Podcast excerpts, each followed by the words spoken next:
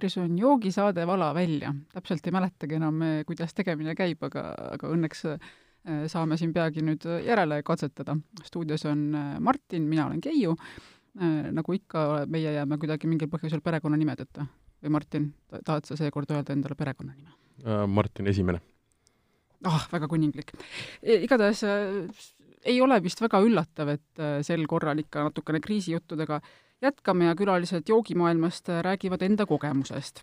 nii et püüame siis seekord avada olukorda veidi vinoteekide ja kokteilibaaride seisukohalt, sestap on külas meil Kristel Nõmmik Carpe Vinumist ja Irina Markina kokteilibaarist Whisper Sister.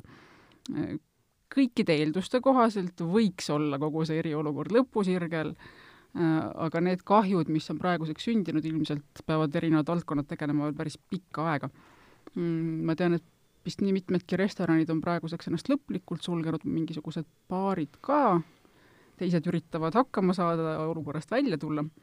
nii et äh, üritame nüüd võib-olla siis äh, täna kahe näite najal kuidagi kaardistada, et kuidas teie jaoks on need äh, päevad kujunenud ja kuidas te seda edasi näete, et võib-olla äkki ma küsingi kohe alustuseks, et äh, Irina ja Kristel, kas te võiksite kumbki põgusalt visandada selle olukorra, mis on siis teie asutuse puhul juhtunud, et kuidas need esimesed päevad välja nägid, mis sai edasi, mis hetkes, mis olukorras te olete praegu? selline väga kõikehõlmav küsimus, aga katsetame. tere siis ka minu poolt, Kristel Karpe Viinumist, et ähm, et tõesti need viimased seitse-kaheksa nädalat on nii elumuutvad olnud, et kui keegi oleks seda selle aasta alguses öelnud, siis see tõenäoliselt ei oleks isegi mingi ulmefilmi stsenaariumisse läinud. et mina võin tunnistada, et ähm, minu jaoks ähm, hakkasid asjad äh, võib-olla äh, Äh, sündima ja edasi minema sellise kuupäevaga nagu üheksas märts, et ma mäletan väga hästi seda päeva, siis tundus, et tööd on nii palju, et seda ei jõua ära teha ja mul oli igasuguseid erinevaid mõtteid peas, et kuidas kõike seda sellel aastal nagu paremini ja efektiivsemalt tegema hakata ja enda, enda aega nii-öelda planeerida. Õnneks seda mõtet ei olnud või pigem ikkagi kahjuks lõpuni vaja mõelda, sellepärast et siis jõudis kohale koroona, eriolukord ja nii edasi no meie ei ole nagu päris klassikalises mõttes vinotek, sellepärast et meie juures küll koha peal saab igapäevaselt veini klaasiga nautida, aga ikkagi hästi palju me just tegime igasuguseid üritusi, degustatsioone, pakkusime sellist pinda, mis, mis võimaldas teha ükskõik milliseid ettevõtmisi või viia läbi mingisuguseid sündmusi.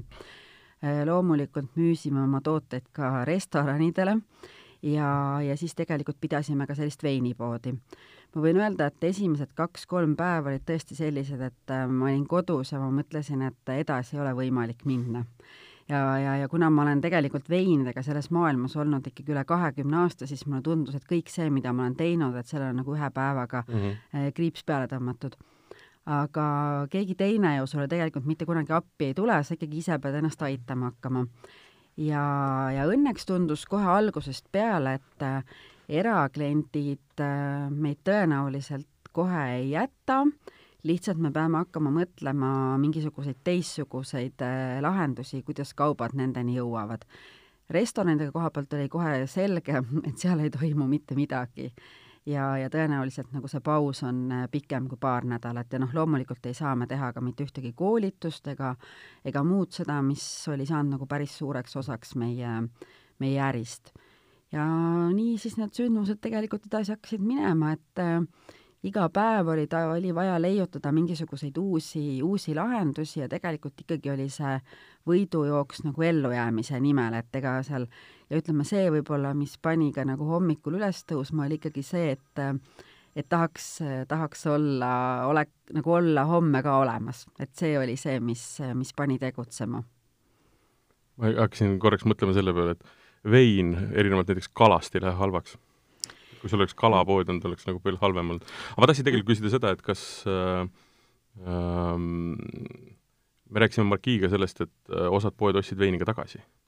Teil läks ka selleks või, või tulite Jaa, vastu nii-öelda restoranidele? tähendab, selles mõttes, et me oleme igasuguseid lahendusi püüdnud välja mõelda, et ka seda, et osta tagasi äh, ja, ja me oleme noh, ütleme ka päeva lõpuks me oleme ikkagi ju väikeettevõte ja meie ressursid on suhteliselt piiratud ja me oleme ikkagi ka suhteliselt uus ettevõte, et meil ei olnud ka mingisugust sellist rasvakihti kogutud, et ega me tegelikult olime ikkagi sisuliselt üsnagi niimoodi, et tagasi alguses, back to the beginning, et, et hakata kõiki neid asju, aga aga jah, meie oleme kindlasti oma klientidega pigem püüdnud seda, et et igat ühte võtadki erinevalt ja mina seda heaks ei kiida, et nii-öelda nagu piitsa ja nuiaga, nagu mõni ütleb, et põhiline on täna raha koju tuua ja siis vaatame edasi, et mina arvan seda, et me kõik oleme pärast koroonat ka olemas ja kõik inimsuhted on ka pärast koroonat olemas. et mina nagu nii isiklikult kui ka nagu ettevõtjana olen küll inimestes nii tohutult palju rohkem positiivset näinud ja on ka neid inimesi, kes on mind nagu tõeliselt äh, šokeerinud nagu negatiivses mõttes. aga see on nagu, kuidas ma ütlen, nagu puhastus, nagu üks kuulus romaan aga Irina, kuidas kokteilibaaril läks, et see, mida Whisper Sister teeb, on sisuliselt speakeasy tüüpi baar, kuhu oskavad sisse astuda need, kes teavad, mis see on, ja need, kes teavad, mis see on, teavad, et äh, see ei ole baar, kuhu sa lähed lihtsalt džinntoonikut tellima, vaid ikkagi lähed maitseelamusi äh, nautima, mis ei äh, maksa vastavalt ka mitte kõige odavamast klassist ei ole, vaid ikkagi vastavalt sellele. Mis ta siis väärt on, kuidas teil on läinud? jaa, ma usun, et me oleme suhteliselt kõik läbinud äh, oma peas selliseid erinevaid etappe, et äh, kui kõik see juhtus, siis korraks oli paanika no, loomulikult, et ikkagi sa oled teinud mitu-mitu aastat, aastaid seda tööd, et jõuda sinnani, kus sa parasjagu oled. ja järsku, nagu sa mainisid ka, et kõik oli lihtsalt kriips peale tõmmatud. Ja ütleme, kui kõik juhtus, siis me kohe ei pannud veel oma uksed kinni äh,. ütleme, nad on kinni nagunii, et äh, kui äh,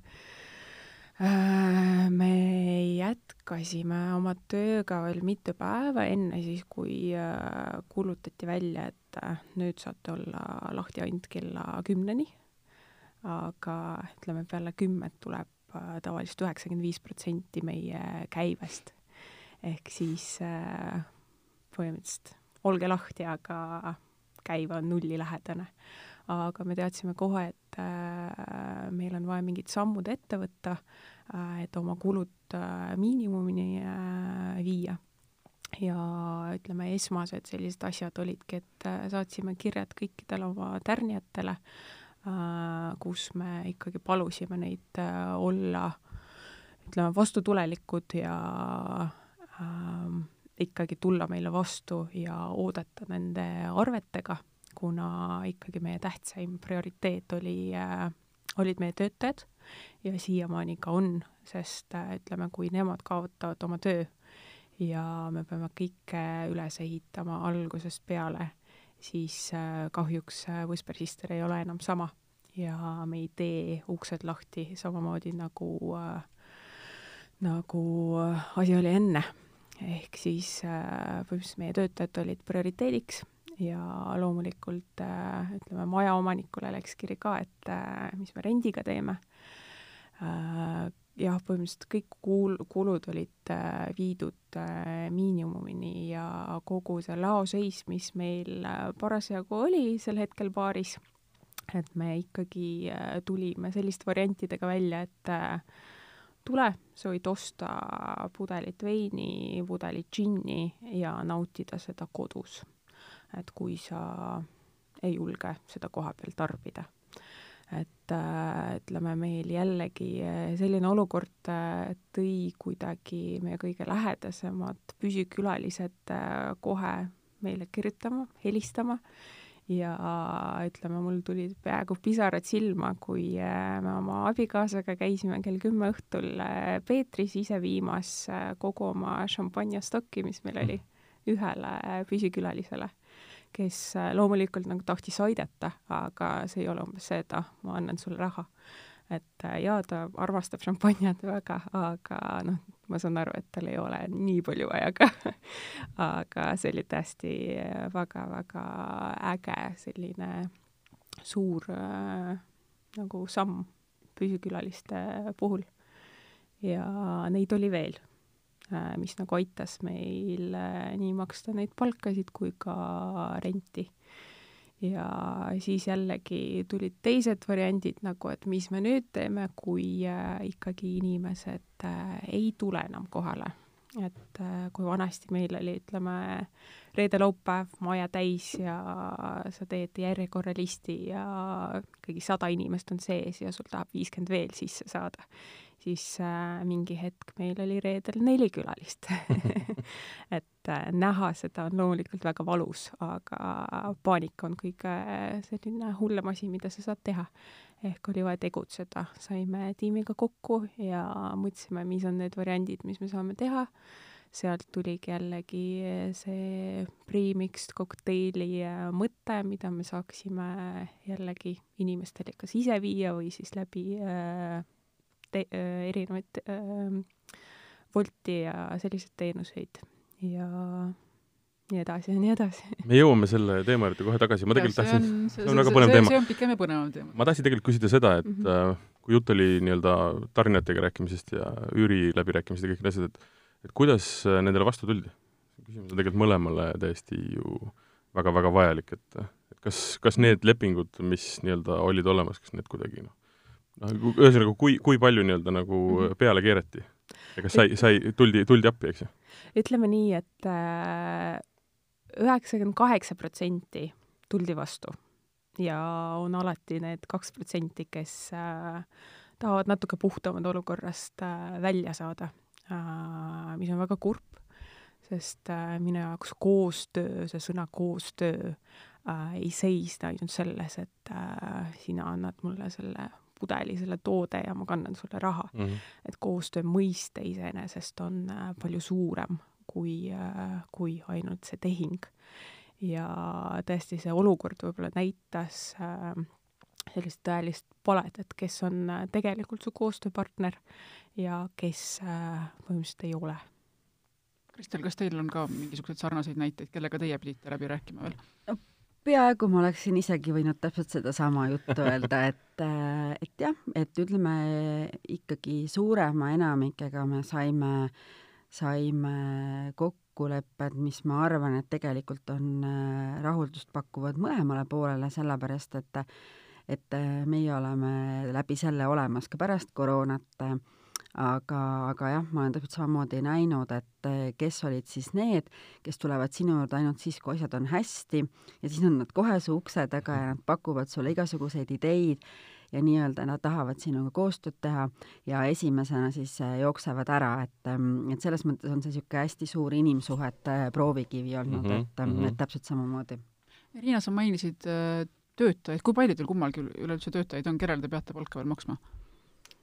Äh, meil on äh, põhimõtteliselt või me ikkagi peaksime ütlema, et oli kaks, sellepärast et äh, meie kaalusime erinevaid võimalusi, et riik on ju nii-öelda töötajate koha pealt teatud abikäe ulatanud, aga me mõtlesime ühte, teist ja kolmandat pidi ja me pidime ka vaatama seda, et milline on see profiil täpselt ettevõttel ikkagi, mis praegu alles jääb ja, ja näiteks meie puhul on see, et me väga palju äh, teeme erinevaid koolitusi ja igasuguseid üritusi viime läbi, et selles suhtes on meil küll ka sellised lepingulised partnerid, kes ei ole kõik nagu nii-öelda nagu töölepinguga meie juures.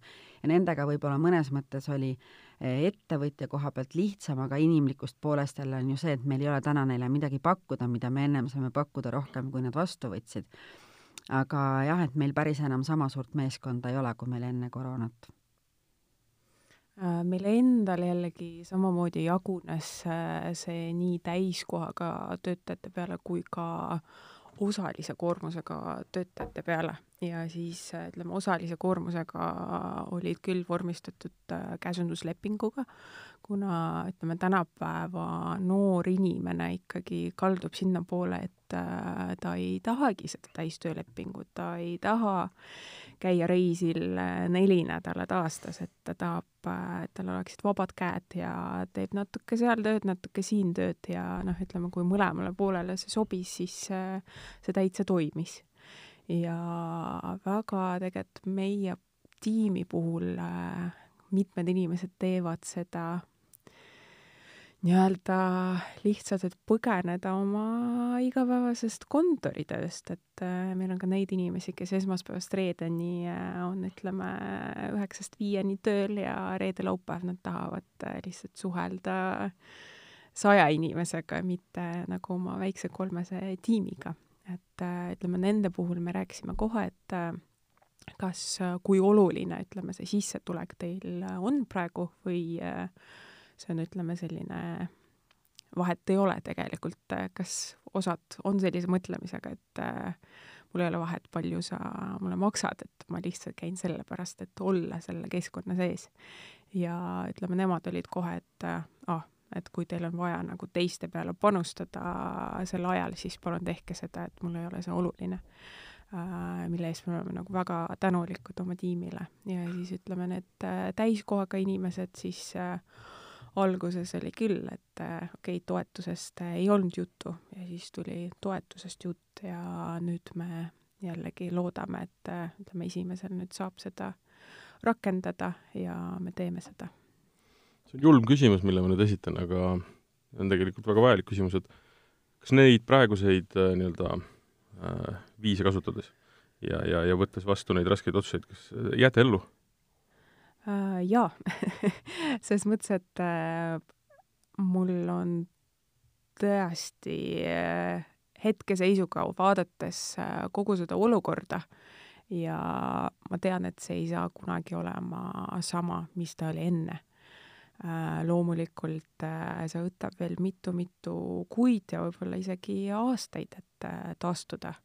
ja kuna me keegi ei suuda nagu tulevikku selgelt näha, siis äh, ei ole kindel, milline ta saab olema, ütleme, see olukord ja seesama, see kultuur, väljas käimise kultuur, kas inimesed julgevad, ma väga loodan, et äh, noh, ütleme juba praegu näha, kuna me juba tegime uksed lahti, siis äh, tasapisi kõik need inimesed, kes tulevad, on nagu janused emotsioonide järgi, lihtsalt vaatavad sind ja nagu nad tahavad näha, kuidas sa jood, kuidas sa naeratad, kuidas sa räägid, kuna nagu enough is enough, jah Kristel?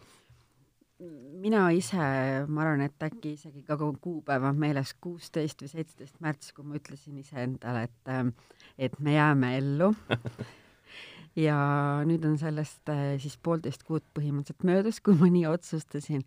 ja ma arvan, et äh, me jääme ellu, aga see on tähendanud põhimõtteliselt töötamist ilm, ilma ühegi vaba päevata mm see tähendab sarnaselt jätkamist veel päris pikka aega, see tähendab, et sa ei saa teha mingisuguseid plaane, see tähendab äh, nii isiklikus plaanis kui ka ettevõtte plaanis hästi paljude asjadest loobumist, et, et kõiki neid asju täites ja tõesti sellist äh, nii-öelda miinimumkulubaasi hoides on, on võimalik noh, jääda ellu, aga, aga ma olen täiesti kindel, olles ise ka ütleme nagu selles äh, Äh, külalislahkuse äris, mis kaasneb nagu kõike hotelle, restorane, baare, vinoteke, et siis äh, kindlasti väga-väga-väga paljud äh, ei jää ellu, sest see lihtsalt ei ole võimalik, et et maailm päris endiseks tagasi enam ei saa. Ja, ja mõndade ettevõtete puhul tähendab see lihtsalt väga-väga pikka aega, et, et sellist võimalust ei ole vist kahjuks ei meie riigil ega ka ühelgi ettevõttel üksikuna võttes, et, ähm, et seda kinni maksta, seda ooteaega rääkige natukene veel sellest, kuidas see elu vahepeal nägi välja näiteks internetti kolimise mõttes, vähemasti mina olen aru saanud, et enamik ettevõtteid see, see, kuidas mingisugunegi käibe äh, käive säilitada sõltus suuresti sellest, mida hakati internetis tegema, aga kes, kellel olid e-poed olemas, kes panid need kiiresti püsti, noh, siis kokteilimaailmas vähemasti esialgu kokteilide kodu, koju viimine ja saame siis natuke sellepärast sellest ka lähemalt rääkida, kuidas, kuidas ja miks sellega läks, aga jah, kuidas, kuidas no meil käis? tegelikult Carpe Viinumis oli e-poed e, e-pood olemas, aga kuna ta oli selline suhteline suhteliselt väikene osa käibest ja, ja mul oli juba ennem öeldud nii minu lähedased siis, et noh, tee parem e-pood või tee üks korralik asi, aga no millal mul selleks aega oli, mind kutsuti kogu aeg igale poole nagu koolitama, rääkima, mul olid teised prioriteedid ja ma lihtsalt nagu kogu see kaalukajus, et, et see raha, mis tuli e-poest ja see raha, mis tuli tehes mida mulle ka tegelikult rohkem meeldis teha, olid nagu nii võrreldamatud, on ju, et ma ei tegelenud sellega. loomulikult ütleme seal esimestel nädalatel, ma arvan, et üle viiekümne protsendi ajast läks Äh, nii-öelda nokitseda seepoe kallal ja kõik inimesed, kes mind tunnevad, siis nad teavad, et ma pole üldse mingi nokitseja inimene. et väga-väga nagu selles mõttes ma tegin asju, mis mulle nagu ei ole võib-olla kõige hingelähedasemad, aga ma nägin, et ikkagi ka sellele kohe tuli tulemus. et, äh, et, et ja, ja noh, siis muidugi nagu see esimene nii-öelda e-degustatsioon ka, et, et see mõte tuli minuni tegelikult läbi ühe koostööpartneri ja siis me nii-öelda viisime selle mõttega nagu teovormi ja saime nagu hästi palju väga positiivset äh, tagasisidet ja ütleme nii, et ma nagu ise nautisin seda ka õhtut nagu väga, et peaaegu nagu oleks päris olnud. räägi palun lahti, mis see e-degusteerimine, mis, mis ta endast kujutas? ta tegelikult oli siis ähm, äh, idee sai sellest alguse, et üks meie koostööpartner, üks tootja pidi aprillikuu lõpus siia tulema Prantsusmaalt ja noh, loomulikult ta ju ise ei saanud siia tulla, aga ikkagi nii see inimene kui need veinid ja kõik see idee oli kuidagi nii nagu kripeldas, et äh, tuli kuidagi panna ta mingisugusesse vormi. ja vot siis oligi, et äh, tekkis selline mõte, et miks mitte ikkagi viia läbi see degustatsioon mingisuguses keskkonnas, kus siis äh, see proua, kes on Saint-Martini veinimajast ja Provence'is, on siis ühe arvuti taga, mina nii-öelda moderaatorina olen ühe arvuti taga ja meie siis nagu head kliendid on igaüks oma kodus, nii nagu seadus praegu nõuab, ja on oma arvutite taga aga loomulikult eh, on nad siis enne seda juba soetanud need veinid, mida me koos seal proovima hakkame. Ja tegelikult siis nii-öelda nagu veinimaja omanik viib ikkagi läbi selle ürituse ja me kõik saame seal osaleda, me saame igaüks nagu enda kodus degusteerida, saame küsimusi küsida ja nii edasi, et noh, kindlasti esimene kord oli ka natukene selline õppimise ja kogemuste saamise kord, et nüüd nagu järgmisele korrale ma nagu vaatan palju julgemini juba otsa, et kuidas see siis välja nägi, igaühel ei olnud mitte, ega ei kallatud natukene klaasi, vaid olid suured pudelid ees ja siis lasksid sealt otse pudelist või kuidas mulle see... hakkab see mõte väga meeldima muidu ma olen kogu aeg nagu öelnud, et pigem kvaliteet, mitte kvantiteet yeah., aga ütleme, see oligi ka tegelikult selle esimesest korrast õppimine, et siis me ikkagi nii nagu idee oli, et kuna Saint-Martini veinimaal on väga lai nagu veinide valik, siis me panime degustatsioonikasti mm -hmm. kuus veini, aga väga paljud meie head kliendid hakkasid ütlema, et teate, et, et jaa, et palju, sellepärast et kõik on kodus üksinda või kahekesi ja selle mm. esimese me tegime aprilli peaaegu et nagu seal kuskil enne lihavõtteid, et siis oli see karantiin ikkagi veel väga nagu selline totaalne ja keegi ei julgenud ka nii-öelda nagu naabrinaist külla kutsuda ja kuus pudelit, kas üksinda või kahekesi, tundus tõesti hästi suur kogus. nii et noh, näiteks oli üks asi, mida me õppisime, et kuus ähm, pokaali Pole just liiast, eks ju? et kuus pokaali ja tegelikult ütleme, klassikalisel degustatsioonil sa saad võib-olla nagu seal kuus-kaheksa sendili, et sa ikkagi nagu isegi kümmet veini degusteerides mm -hmm. saad võib-olla maksimum ühe pudeli, noh, nii-öelda nagu summa summarum, aga nüüd äkki oli nagu need kõik pudelid vaja lahti teha. aga see ongi nagu see, et, et just see E versus ja. nagu päris maailm, et et me õpime hästi palju ise sellest. ma tegelikult tahtsin seda öelda, et üks asi, kui rääkida positiivsest nagu arengust, siis ongi see, et jaa, loomulikult ta ei, temast ei saa mingisugune üübersuur äri, eks ju. aga ta on üks viis, äh, mis kindlasti tuleb üsna suurelt sinna juurde, on nii-öelda online'is kõikide asjade tegemine, pluss siis e-poest asjade ostmine. ehk et see ei tundu täna enam noh, mingisugune niisugune novelty või niisugune huvitav, peen, glamuurne asi, et ma netist tulid mul veinid, ei, see on noh, hommikul ma lihtsalt, äh, see, see on nii harukordselt naljakas, lihtsalt mul tuli meelde see seik, kus hommikul kell äh, üheksa, noh, ei eelda ju, et keegi tuleb külla veel, noh, kui see ei ole kokku leppinud oli uksekell ja proua oli äh, lihtsalt äh, mingid to-, need ähm, noh, sõõrikud tellinud, kuna oli lihtsalt näinud, oli tunne tulnud ja onu tõi. noh, et niisugune ma ei tea. mulle tulid umbes samal ajal tulid küll veinid viimati no, tuli no, kast, kastikene Portugali veinidega uksed no, ke, ke, kellele mis, eks ju, aga noh, mõte ongi see, et see on, on muutunud nüüd nagu normaalsuse osaks, aga normaalsus ei ole ainult see, et me oleme seal võrgus, eks ju. see kindlasti, ma arvan, et päris palju asju, mida me oleme äh, kas siis uuendanud või üldse välja mõelnud, et need on ka tulnud selleks, et -hmm. jääda ja mõni nendest, ma arvan, et on, tahaks isegi öelda, et aitäh, koroona, et sa tõid meile mingid uued ärivormid, mis kindlasti ja. nagu ei asenda kõiki neid, mis mm. ennem olid, aga just ütleme, nagu see online degusteerimine, et väga palju selliseid maailmatasemel koolitajad, on ju, et ikkagi isegi nagu siin Euroopa-siseselt ühest kohast teise lendamiseks läheb teatud tunde aega, tunde ja tundide arvu aega, eks ole. pluss on see, et sa oled kogu aeg väsinud sellest pidevast ringi sõitmisest, nii edasi, nüüd täna on tegelikult võimalik neid inimesi saada enda ja oma klientide juurde nii, et keegi ei pea kuskile lendama et see ei ole päris seesama, aga see on ikkagi üsna lähedane ja kui me tegelikult ka tulevikus peame mõtlema, et kas mitte midagi või see vorm, siis ma arvan, et me tegelikult seda vormi hakkame rohkem kasutama, et saada inimesi, kelle nagu töögraafik ei võimalda neil võib-olla nagu kogu aeg käia Eestis, aga läbi e-kanali tegelikult nagu kaks tundi oma ajast võtta, seda juhtub äh, tõenäoliselt sagedamini kui see, et äh, varemalt, et siia kohale lennata no nüüd inimesed vist ei pelga enam nii palju. aga Irina, teil on natuke teistmoodi, et noh, veine on vähemasti ukse taha veidi lihtsam viia, keegi vist ei hakka selle peale väga pahandama. tuleb välja, et kokteilide puhul hakkab, kuidas teil see protsess välja nägi, et te natukene aega vist saite neid klientidele Woldi kaudu või, või kuidas te siis neid kokteile saite inimestele ukse taha toimetada, aga siis ühel hetkel enam mitte, mis juhtus? ja nüüd on see aruandluskoht. aruandluskoht, jah. anna aru. Äh, no ütleme nii, et ütleme, Whisperi, Whisper Sister Bachelori puhul, et kes on käinud, siis teab, et äh, noh, see ei ole alati nagu äh, ainult selle joogi pärast, et äh, inimesed ikkagi tulevad, sellepärast ma räägin sinuga, ma küsin, kuidas sul läheb, kuidas sul päev läinud, et ma istun sinuga lauda. ja see personaalne lähenemine, see on midagi väga, ütleme, rasket, mida, mida üle anda kuidagi selles ütleme, vormis, kus inimene nagu ei näe sind ja ja ütleme, me proovisime seda teha läbi äh, joogi ja läbi selle suhtluse, millal ütleme, inimene oma tellimust äh, meile sisse andis. ja ütleme, meile suureks abiks oli ka fotograaf, kes äh, tuli meile appi ja tegi nendest siis take away kokteilidest pilte ja ütleme, tegime sellisest väga Whisper Sisterlikku äh, kõik need logod ja kleepsud sinna peale, andsime, ütleme, väga kõrge kvaliteediga jääd inimestele kaasa, et äh, ikkagi see kogemus oli võimalikult, oleks võimalikult äh, lähedane sellele, mis ta ikkagi saab seal kohapeal äh, olles ja kirjutasime ka ilusaid sõnumeid inimestele ja ütleme, see personaallähenemine pluss äh, sama kvaliteediga jook oli siis äh, see, mille peale me panustasime äh, seni, kuni siis tuli Veteametilt kiri.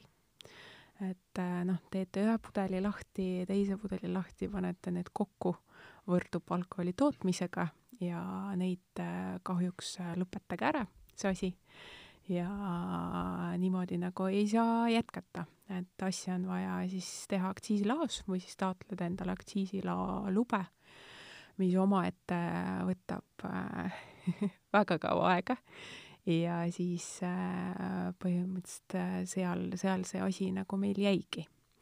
et ütleme, väga kahju tõesti, et et äh, noh, kord pannakse puid alla ühest mm -hmm. küljest, kord teisest küljest.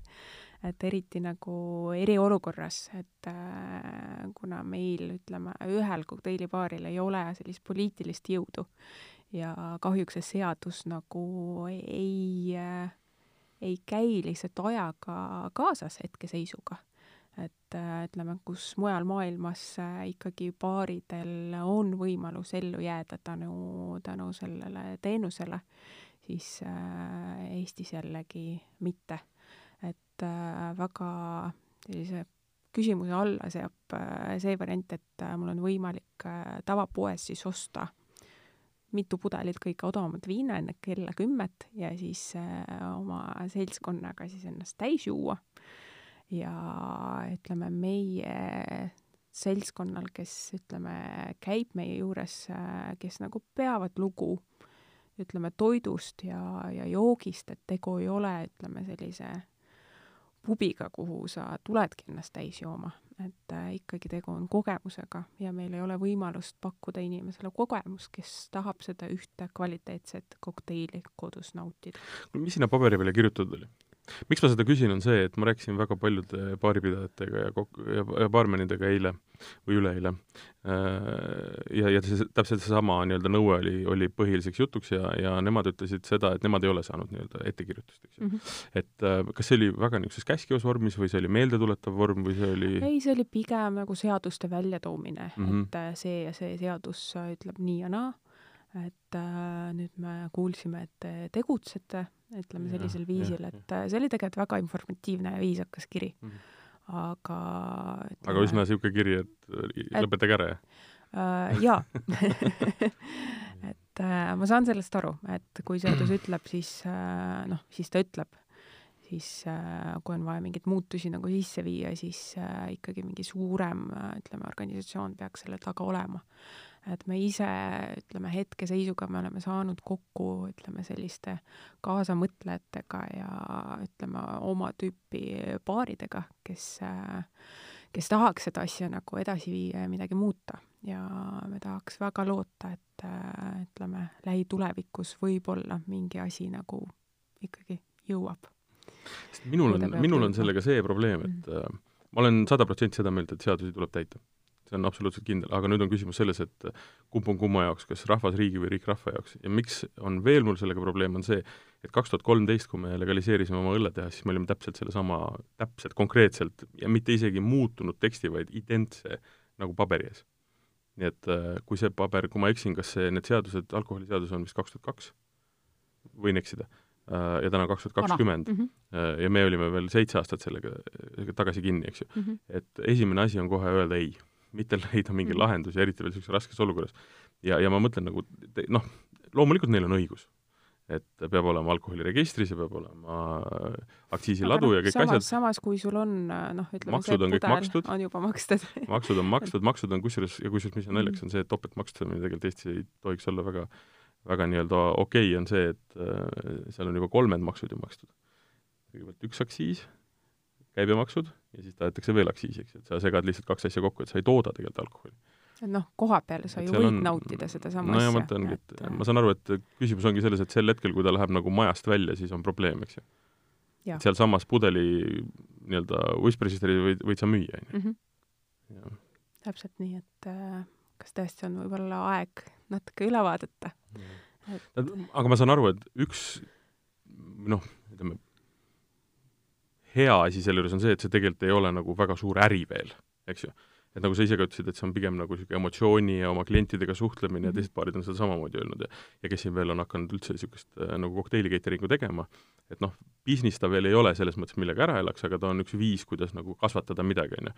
et noh, hetkel ta selles mõttes võib-olla ei söö kuskile nagu rahakotti, aga tegelikult noh, nõme on ikka mm. -hmm. ja pikas perspektiivis tegelikult äh, noh, tuleks ikka üsna tuleks nagu pehmemalt läheneda asjadele, ma olen ka seda meelt. et noh, jällegi, kui sa tahad äh, pidada kodus oma sünnipäeva, siis äh, võiks ju olla võimalus, et äh, sul on võimalik tellida, ütleme, sellest kohast ja sellest sinu lemmikbaarist või restoranist nii toidu kui ka, kui ka joogi. et kas ma usun, et siin on üks väike nii-öelda koht, kus on võimalik see nurk sirgeks joosta, on see, et kui sa ise kaasa tuled. sa teed catering'i sa tuled oma pudelitega ja valad mulle välja. ma ei tea, tõenäoliselt seal suudab ka keegi midagi aga välja miks, mõelda, eks ju, aga miks sa peaksid nagu selle baarmeni eest maksma, et kui, kui ütleme, catering tuleb ja teeb sulle seal jooke, et see on, see on, kõik on hästi, ja siis samamoodi, kui nagu baaris tehakse sedasama asja ja saadetakse välja, siis see ei sobi. et noh, need asjad lihtsalt ei äh,, ei mm. klappi mm. minu peas omavahel aga kas ähm, korraks alguses me vist rääkisime sellest, aga et äh, kas, või, või oli see eetriväliselt, et äh, kas Bolt ja Wolt, äh, kes tegelikult seda delivery't ka teevad, kas seal oli ka mingisugune erisus vist või? üks ei võtnud isegi nii-öelda kokteile liik-. Bolti, Bolti mm. puhul nemad siis jah, ei tegele, ütleme, joogiosaga mm -hmm. ja siis öeldi ka kohe välja ja Woldi puhul äh, põhimõtteliselt me jäime kuidagi lootma, et mm -hmm. kui nemad ütlesid, et jaa, see on äh, kõik okei okay,, siis äh, me kuidagi loomulikult mõtlesime, et ju siis kõik, kõik on okei okay. mm. -hmm. et noh, nemad ka ei, põhimõtteliselt ei teadnud. Teil toob kohale veini, veini toote ise kohale või?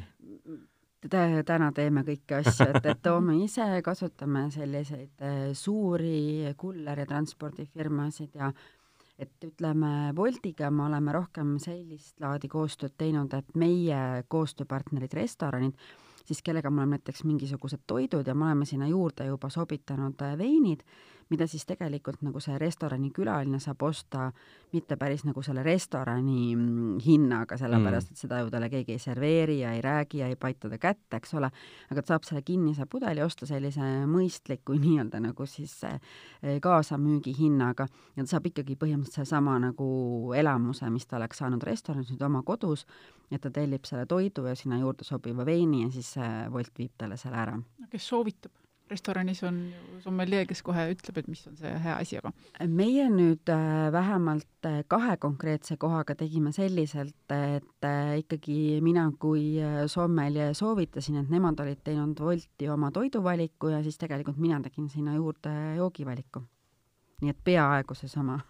aga välja, välja antakse siis restoranist, eks ju? Ja, ja selles mõttes, et ikkagi ainult kinnise pudeliga mm, -hmm. et äh, see miinimumkogus on üks pudel, mitte nagu klaas või midagi mm -hmm. muud mm. -hmm. on teil aimu, kuidas hindadega saab tulevikus olema? ma olen kogu aeg mõelnud, ma ei tea, kas siin üldse on ette võimalik öelda, aga kas nüüd, kui see olukord lõpeb, et kas pigem hinnad langevad, et inimesi tagasi tuua või peavad nad just pigem tõusma, et vähegi oma äh, äridega jälle mäele saada? Praegu on nagu klientide koha, koha pealt on ka nagu hästi erinev näha, et on neid, kes tulevad ja nagu see surve hinnal on nagu hästi-hästi suur, eks ole, et ta, ta küsib, et millised on pakkumised, noh e, e-poes niikuinii meil on kogu aeg pakkumine, noh, poe, sest meie tegelikult stuudio on ikkagi kogu lahti, sest meil on eraldiseisev nii-öelda eraldi sissepääs ja, ja kõik need reeglid on tagatud, et poena me võime tegelikult täna nagu veel tegutseda aga et, et kus on jah, et ainult nagu see allahindlus ja noh, kogu aeg ütleme sellele olukorrale siis äh, vihjates, et, et, et mida ta sellest nagu saab siis kasumlikumalt. ja on jälle just vastupidi, et kes ütlevad, et kui sa ise nagu pakud talle, et noh, meil on need, need, et teie, et täna ju peaks teid toetama, et me ikka mm. nii väga tahame, et me saame nagu teie juurde hiljem ka tulla, et et noh, näiteks üks hästi selline ka nagu hingepaitav lugu, et kus üks meie hea klient ütles, et et me täna oma abikaasaga käime läbi kõik need ärid, mida me tahaksime, et nad oleksid lahti ka päri, pärast koroonat. ja väga palju on neid inimesi, kes ütlevad, et nad nagu teadlikult ostavad täna mm. meie käest mm et nad ostavad sellepärast, et nad tahavad meid aidata. et ma ka nagu ei ole kindel, et neil täna on seda kasti veini vaja sest minu teada nad ostsid enam-vähem ka üleeile selle kasti, aga nad nagu noh, ega peaaegu isegi võiks seda nimetada heategevuseks mm, -hmm. et ta tõesti lihtsalt ei tule, anna sulle raha, aga ta saab ka nagu selle toote vastu, aga ta toetab sind ja see nagu tuleb, see on nagu teadlik tegevus. aga, aga selle, aga, aga muus mõttes jah, ma ütlen, et et et äh, ma, ma ei oska öelda, sest meie toodetel ikkagi on mingisugune omahind ka, eks ole, ja ja meil on nagu rent ka täna ja meil on ähm, tööjõukulud ja nii edasi, et, et mingist, äh, kuidas ma ütlen, nagu piirist me ei saa ju allapoole minna, et et me ei ole neid asju tasuta saanud. et see, mis nüüd puudutab, ütleme nagu koolitusi või neid, et äh, kuna neid keegi täna ei küsi, siis ma ei oska öelda ka, et et mismoodi ma neid tulevikus saan äh, pakkuda, et, et peab vaatama natukene. kas kokteilihinnad jäävad samaks? no ütleme nii, et äh, meie puhul on ka, et äh, kui me oleme selle aja jooksul kokku puutunud oma, ütleme, külalistega, siis ma ei ole ühtegi sellist äh, küsimust äh, nagu kuulnudki, et äh, ah, mis ma siis nagu, kas ma ei saagi nagu hinnast alla nüüd. et ütleme, kõik on olnud äh, väga mõistlikud ja saavad aru, et äh, ütleme, neid võlgasid äh, sul koguneb mm. ja millegi nagu ees sa pead äh, neid ka maksma hakkama. ja see oleneb tõesti väga palju, mis hakkab toimuma, ütleme, meie koostisosade ja selle toorainega, millest need joogid koosnevad. et mingi hetk äh, me ei ole nõus kvaliteedist alla andma. Äh, ütleme, et vahet ei ole, et meil on äh, eriolukord ja, ja koroona, aga ikkagi ütleme, meil käivad inimesed sellepärast, et nad saavad sellise joogi selliste komponentidega. et äh, ma oleks võinud ju nagu panna odavama asja sisse, aga ma ei taha seda teha, sest siis inimene ei saa täpselt sama asja, mis ta sai ennem. tekkis küsimus sellest sinu jutust, et äh, kas, see on mõlemale jälle loomulikult, et kas on kuulda ka, et mingid joogid ja mingid tootjad on juba noh, on mingite probleemide ees, et mingisugused brändid võib-olla või, või mingi konkreetne veinimaja ei saa selleks hooajaks mingeid asju tehtud? iseenesest loodus läheb ju edasi, ega vili kasvab, viinamari kasvab, inimesed noh, küll leitakse, et küll leitakse, et need, kes Eestis ka kartuli ära korjavad, kui nad selle veini ka nii-öelda viinamarja puu otsast alla võtavad, et äh, on, on kuulda mingeid selliseid jutte? ei, mina küll mm. ei ole nagu kuulnud, et noh, veini mõttes on ka muidugi see, et viinamarjad vähemalt noh, nagu Euroopas ja siin, siinpool ekvaatorit alles hakkavad kasvama mm. ja korjeni me jõuame alles septembris mm, -hmm. eks ole, ja siis veel noh, see aeg, et kui see vein lõpuks nagu pudelisse panna, et uues maailmas on natuke teistmoodi, et seal hakkab see korje põhimõtteliselt on sellel aastal juba ära olnud aga see pigem jõudis jälle enne koroonat ära mhm. olla, nii et ma eriti nagu ei usu, ma ei, ma ei näe siin mingeid sidemeid, et ma arvan, et see on natuke sarnane lugu nagu Eestis, et mm -hmm. et vili tuleb ikka nii-öelda kasvama panna, kartulid mulda ja, ja sügisel need ära võtta, et mm -hmm. see nagu ei tohiks muutuda. ma mõtlesin Ira, sa ütlesid, et noh, et et, et võib-olla küsimus, et mingit kokteili ei saa teha, sellepärast et ei ole mingit toorenet Äh, ei, ma just pigem mõtlen äh,, kuidas nagu meie tärnijad, kas nemad hakkavad äh,, ütleme, hindu tõstma mingile toorainele mm. -hmm. et kas seda on saada või äh, noh, ütleme nagu väga paljud asjad Itaalias praegu lihtsalt ei tule kohale, sellepärast et tehas on kinni ja, ja just, just, just. et kas sama asi nagu hakkab juhtuma ka, ütleme, meie toorainega, me ei oska veel öelda, et on liiga vara. tahaks väga kuidas ma ütlen, negatiivse noodiga jätkata. aga mul on teile uudis. uudis on see, et ega enne kahte aastat see jama ei lõppenud. et see on kus, kus sa nõme, nõme, noh, see on natukene loed siit ja sealt ja, ja, ja mõtled oma peaga, et ühesõnaga see on reaalsus, kus me peame jätkama pikalt ja pikalt. ma mõtlen, et veinipoodide ja ütleme, veini kaasamüügi ja üleüldse kõikide asjade kaasamüügiga on nagu üks asi, eks ju. aga see baari pidamise loogika, kuidas sa näed seda? ma saan aru, et esmaspäevast võib äh, nagu täie auruga hakata nii-öelda panema, eks ju. baar on tegelikult kogu aeg lahti olnud, eks ju? No ei ole, et no meil... kümnest kümneni selles mõttes, et äh, ta ei tohi olla lahti nendel vanadel aegadel, aga ta on põhimõtteliselt lahti olnud, eks ju? Äh, ta on lahti olnud, ütleme, ta on olnud äh, reede-laupäev mm -hmm. kella neljast kella kümneni mm, -hmm. aga nüüd see nädal on sellise katsetamise aeg ja teeme seda lahti neljapäevast pühapäevani mm. juba. et äh, kuna tundub, et rahvast äh, ütleme, natuke liigub rohkem ja aga kuidas see nagu täiesti praktilises mõttes täna välja näeb? nii-öelda kaks pluss kaks loogika alusel või siis nüüd, kui see kaks, sellest kaks pluss kahest üks-kaks läheb ära, aga mm -hmm. kaks meetrit tuleb hoida, et no ütleme, meie puhul on jällegi see, et äh, kuna meil terve maja jaguneb selliseks eraldi seisvaks kolmeks toaks mm, -hmm. siis see on võimalik, et me saame mahutada korraga nelikümmend inimest pluss äh, töötajad, aga jällegi, millal see nelikümmend äh, mm. kohale tuleb, on äh, suure küsimärgi all.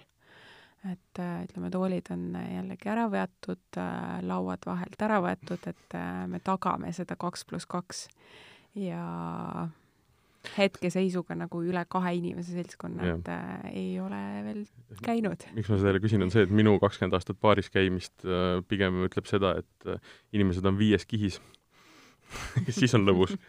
mitte, et sa hoiad kaks või kolm meetrit niimoodi väga peenelt ja glamuurselt, ära tule.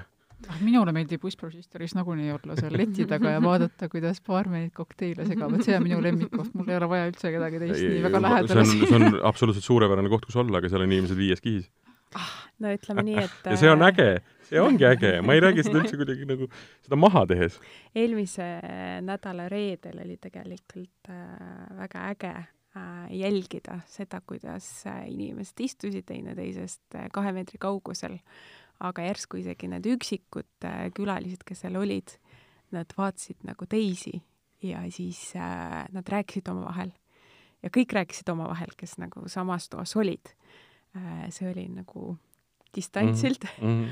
aga seda ei ole kunagi varem juhtunud, et noh, ikka paaris inimesed kohtuvad ja räägivad, aga ütleme, on ka neid, kes istuvad omaette ja nagu ei ole nii julged äh, teistega juttu ajada, aga ütleme, koroona tõesti viis inimesed niiviisi kokku, et kõik on janused emotsioonide eest aga seda on ka ette kirjutatud, näiteks on tulnud mingisugune dokument, et äh, võidakse tulla kontrollima ka, kuidas äh, olukord on paaris näiteks? no ütleme, ametlikud kirja ei ole tulnud, aga loomulikult me jälgime nagu kõiki uudiseid ja mis need mm. nagu reeglid vahepeal välja tulevad ja me oleme täiesti, ütleme, valmis, kui see kontroll ikkagi kohale jõuab, et ütleme, naaberrestoranides ja baarides on käidud ja ütleme, sellest on ka juttu olnud teistega. meil tegelikult on ka käinud, et, et ühel sellisel ilusal laupäeval jalutasid kaks politseiametnikku läbi Nad äh, kontrollisid ja uurisid, et kas meil on kõik desovahendid olemas ja mitu inimest me korraga sisse lubame ja noh, nii-öelda rohkem nagu meie seda teadmist äh, asjadest, et kuna me hoiame uksi lahti, et kas me siis nagu teame, millised on nõuded ja kas me neid nagu tagame, aga aga me teame, millised on nõuded ja kõik oli tagatud ka nii, nagu, nagu seadus ette näeb, et kuidas me nüüd võiksime veel positiivselt ikkagi lõpetada, hoolimata sinu äh, väikestest nüketest, Martin? ei, ma ei taha üldse olla negatiivne, ma ütlen, et äh, pigem on küsimus äh, ju selles, et inimesed ise suhtuvad teistmoodi. haigus haiguseks, eks ju, me oleme ise nagu natukene muutunud. ma tunnen ise seda ka. ongi natukene niisugune imelik aga äkki võiks, äkki, äkki, võiks viimaks hoopis välja mõelda, mis, mis on selline üks õppetund. asi, asi, jah, õppetund. klassikaline tahtsin... asi, mis on see õppetund, mis mm -hmm. te olete saanud nüüd selle aja jooksul? see on äge ju tegelikult no ma arvan, et äh, selline väga nagu ühesõnaline õppetund on see, et, et elu on täis ootamatusi. ja need ootamatused võivad olla nii suured ja nii, äh, kuidas ma ütlen, et nagu kiired, et äh, ükskõik, mida sa oled õppinud või mida sa oled kogenud või mida sa oled oma nagu sellest varasemast praktikast justkui nagu kaasa võtnud, et see kõik on korraga käega pühitud ja sa oled täiesti nagu selles mõttes nullis kus sa pead äh, mõnes mõttes isegi oma mõtlemise ümber programmeerima.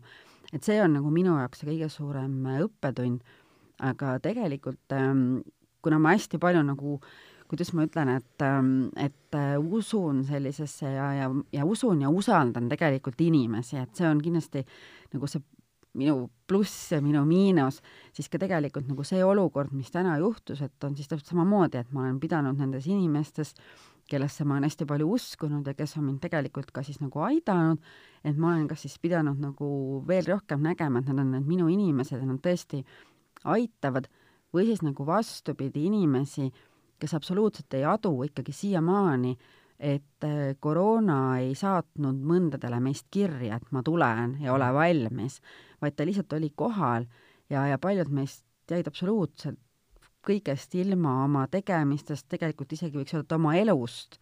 Nad on jäänud kuskile teise maailma otsa kinni või vastupidi, on täna siin, aga peaksid olema kuskil mujal ja nii edasi ja nii edasi. Et, et see on nagu minu jaoks ikkagi see, et, ähm, et vaatamata sellest, et praktiliselt juba kaks kuud on möödas, et on ikkagi neid inimesi, kes nõuavad teistelt inimestelt asju ja nad absoluutselt ei anna aru, et ähm, et see olukord äh, ei, ei nagu on ootamatu olnud meie kõigi jaoks, et et pigem nagu selline hästi suur inimlikkuse õppetund, et isegi võib-olla nagu ettevõtluse koha pealt ähm, et jaa, et ähm, see on andnud uusi võimalusi ja väga palju vanu võimalusi ära võtnud, vähemalt täna nagu totaalsele stopile pannud, et ähm, ma isegi võib-olla äriliselt ei ole nii palju õppinud kui just nagu isiklikus plaanis, aga ma arvan, et see on oluline. oota, aga enne kui me lähme vicepresidendi juurde, kas kaks tuhat üheksa, kaks, sorry, kaks tuhat kaheksa, kui meil eelmine kriis oli, eks ju. kas sa siis ka poodi pidasid äh,, veinidega tegelesid? tegelikult äh, olin äh, tööl hotellinduses ja me olime mõnes mõttes ka nii, et me olime just avanud suure hotelli Tallinna keskmises Nordic Hotel Foorumi, nii et, et täpselt mõnes mõttes jälle nii, et palju ilusaid ideid ja plaane ja siis tuli nagu aga, see kriis. aga ma tahtsingi jõuda selleni, et kas sa mäletad seda, et toona pigem see visin oli nagu pikem natukene, ta ei olnud niimoodi ära lõigatud ühe momendiga, mis täna oli tegelikult. täna nagu... uksed kinni, kõik, läbi, eks ju, toona ikkagi nagu see ta kukkus küll üsna kiiresti, aga see oli võib-olla nädala-kahe küsimus, mingeid nagu liigutusi sai teha veel, on ju? ei, see siis isegi ei olnud nädala-kahe no,, see oli veel ikkagi jah. pikemalt, et selles suhtes, et siis oli, ma arvan, rohkem, et et sellised otsused olid rohkem, rohkem sellist nagu majanduslikku laadi, on ju, ja võib-olla nagu see isiklik plaan, on ju, et, et igasugused koondamised ja muud kärped nagu olid teistsugused, et et sellest äh, kriisist kindlasti sai rohkem äh, majanduslikke õppetunde mm, -hmm. aga kuna see oli lihtsalt nii ootamatu, siis äh, siis kuidagi inimesed on inimestele mõnes mõttes, et kes siis nagu mhm. hundiks muutunud ja kes just nagu tõeliseks selliseks mhm, hästi mhm. toetavaks nagu, et sa tead, et selle inimesega võib kõik need kriisid, isegi kui see tõesti peaks kaks aastat kestma või neid kunagi veel tulema, nagu sa tead, et need on need inimesed, et mm -hmm. lähme edasi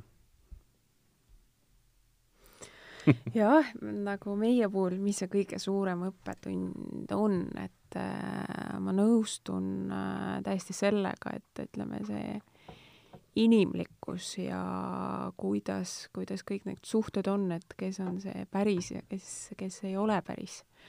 ja see, kuidas tõesti inimesed nagu hoiavad kokku ja see, see on kindlasti on olnud üks äh, suur selline äh, arusaam äh, oma peas nagu, et jõuda, et äh, kas see oli päris või see ei olnud päris. ja jah ma mõtlen, et mida mina näen, on see, et ja mida ma ka kuulsin, te ütlesite, et te jääte ellu. ma saan aru, teil on tahtmine ellu jääda. nii et see on ju kõige tegelikult olulisem ehk et, ehk et, mhm. ehk et kõik see, kõik see muu ja noh, kuna ta on pigem nagu võib-olla see, mitte nii majanduslik, kui, kuigi niisugune täiesti arusaamatu niisugune olukord, noh, me keegi ei ole seda kogenud varem, eks ju, et ma arvan, et kes tahab, see pressib läbi nii-öelda. Ja noh, sorry, see kaks aastat, ma noh. Ära, ära, ära, ära nüüd tee niimoodi. Võib-olla lõpetuseks veel nii palju, et noh, et kellel vähegi võimalik, siis äh, mina ka jätkuvalt ikkagi väga innustaksin oma lemmikuid toetama, ise üritan ka võimalust mööda teha, et on selge, et mingil et mõnel inimesel on nii raske, et äh, selliseid võimalusi ei ole, need, kellel on paremini äh, jah, ise ka samamoodi, ma ei, praegu ikkagi pigem suurtest poekettidest, ma arvan, et nemad ei vaja minu tuge nii palju, et üritan, üritan pigem ka tellida ikkagi vinoteekidest äh, veine, kui noh, vein ikka läheb, ja, ja samamoodi ka Eesti talu, talukaupu soetada jõudumööda, et ma arvan, et see on, see on asi, mida võib teha siis, kui vähegi vahendeid. ma arvan, et täna saab absoluutselt kõike koju tellida. kui sa tahad. saab, saab. leiad üles need inimesed. noh, lõpetame ära või? jaa